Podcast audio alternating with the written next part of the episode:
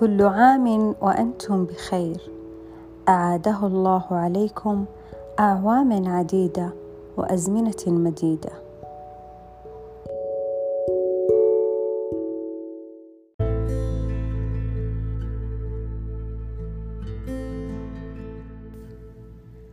أهلا بكم. عندما نحب يولد بداخلنا شعور جديد. لا ندرك ما هو في البداية. وتوجد بداخلنا أحاسيس عجيبة متناقضة. ولا ندري ما سببها. ولا توجد هذه المشاعر إلا في وجود من نحب. وبعد فترة ندرك أننا نحب. عندما نحب ننكر في البداية أننا أحببنا. ونظل نراوغ هذا الإحساس. نتهرب من مشاعرنا. ونخاف أن نترك لقلوبنا العنان. لكن في النهاية ينتصر الحب ويفصح عن نفسه ونعترف أننا نحب. عندما نحب تدور كل أفكارنا حول من نحب ويكون كل حوارنا حول من نحب وكل أحلامنا تكون بمن نحب. عندما نحب ننسى الزمان وننسى الناس وننسى كل شيء ولا نفكر إلا بمن نحب. عندما نحب نتغير كليا وتتغير نظرتنا للحياة ويلاحظ من حولنا هذا التغيير. وعندما يسألون عن سببه يكون الرد ببساطة لأننا نحب. عندما نحب نفكر دائما متى اللقاء وكيف يرانا الحبيب؟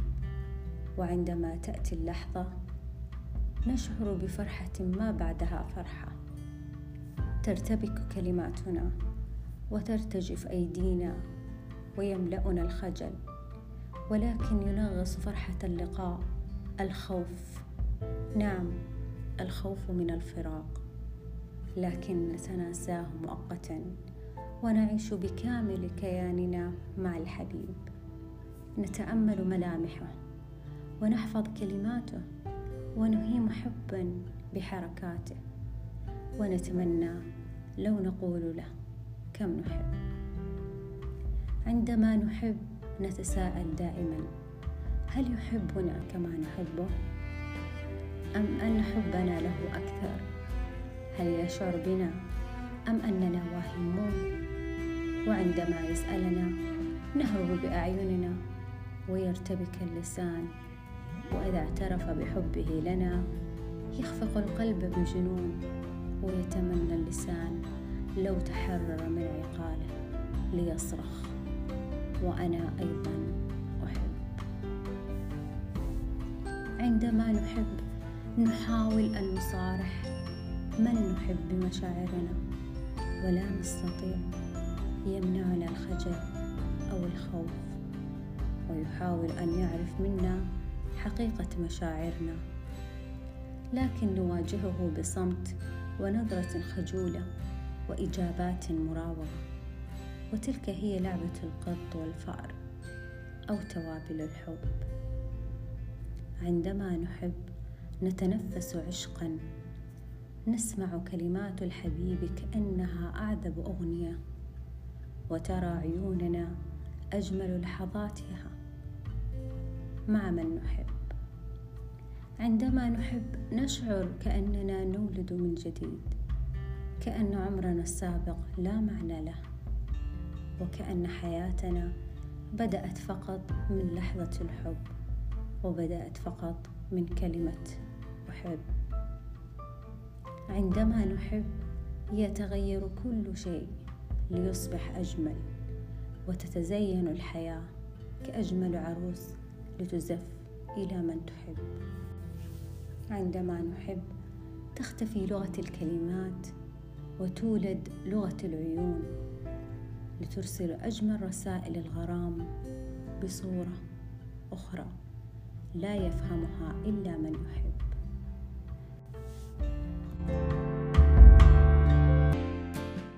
مساء الخير.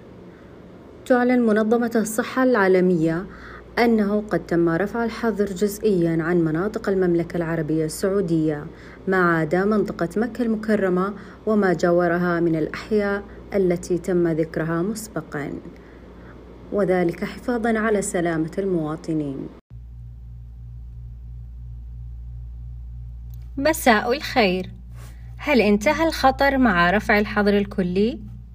لا والجاهل فقط من يعتقد ذلك. إذا ما الذي حصل؟ ولماذا رفع الحظر الكلي؟ كل ما في الأمر أن الحكومة بهذا القرار نقلت المسؤولية من الدولة إلى فرد. وسبب اتخاذ هذا القرار الصعب هي البحوث التي أكدت صعوبة الحصول على لقاح أو علاج للفيروس قبل العام القادم. وذلك يعني انهيارات اقتصادية كبيرة.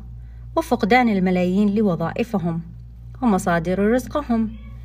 في حال استمرار الحظر حتى العام القادم وكان الهدف من الحظر الكلي السابق هو توعية المجتمع لخطر فيروس كورونا والذي تهاون به مع بداية انتشاره. والآن بعدما تحققت التوعية الكافية والتي اجتهدت الدولة في إيصالها لكل فرد نقلت المسؤولية من صحتهم إليهم.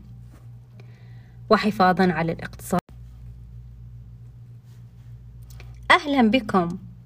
هل انتهى الخطر مع رفع الحظر الكلي؟ لا والجاهل فقط من يعتقد ذلك. إذا ما الذي حصل؟ ولماذا رفع الحظر الكلي؟ كل ما في الأمر أن الحكومة بهذا القرار نقلت المسؤولية من الدولة إلى الأفراد. وسبب اتخاذ هذا القرار الصعب هي البحوث التي أكدت صعوبة الحصول على لقاح أو علاج للفيروس قبل العام القادم وذلك يعني انهيارات اقتصادية كبيرة وفقدان الملايين لوظائفهم ومصادر رزقهم في حال استمرار الحظر حتى العام القادم وكان الهدف من الحظر الكلي السابق هو توعية المجتمع لخطر فيروس كورونا والذي تهاون به مع بداية انتشاره الكثير من الناس. والآن بعدما تحققت التوعية الكافية والتي اجتهدت الدولة في إيصالها لكل فرد، نقلت مسؤولية صحتهم إليهم. وحفاظا على الاقتصاد وعلى أرزاق المواطنين رفعت الحظر الكلي. ولذلك التزموا بالإجراءات الاحترازية الصحية ولا تخرجوا من منازلكم إلا للضرورة كانت معكم نجاح المحاسن في أمان الله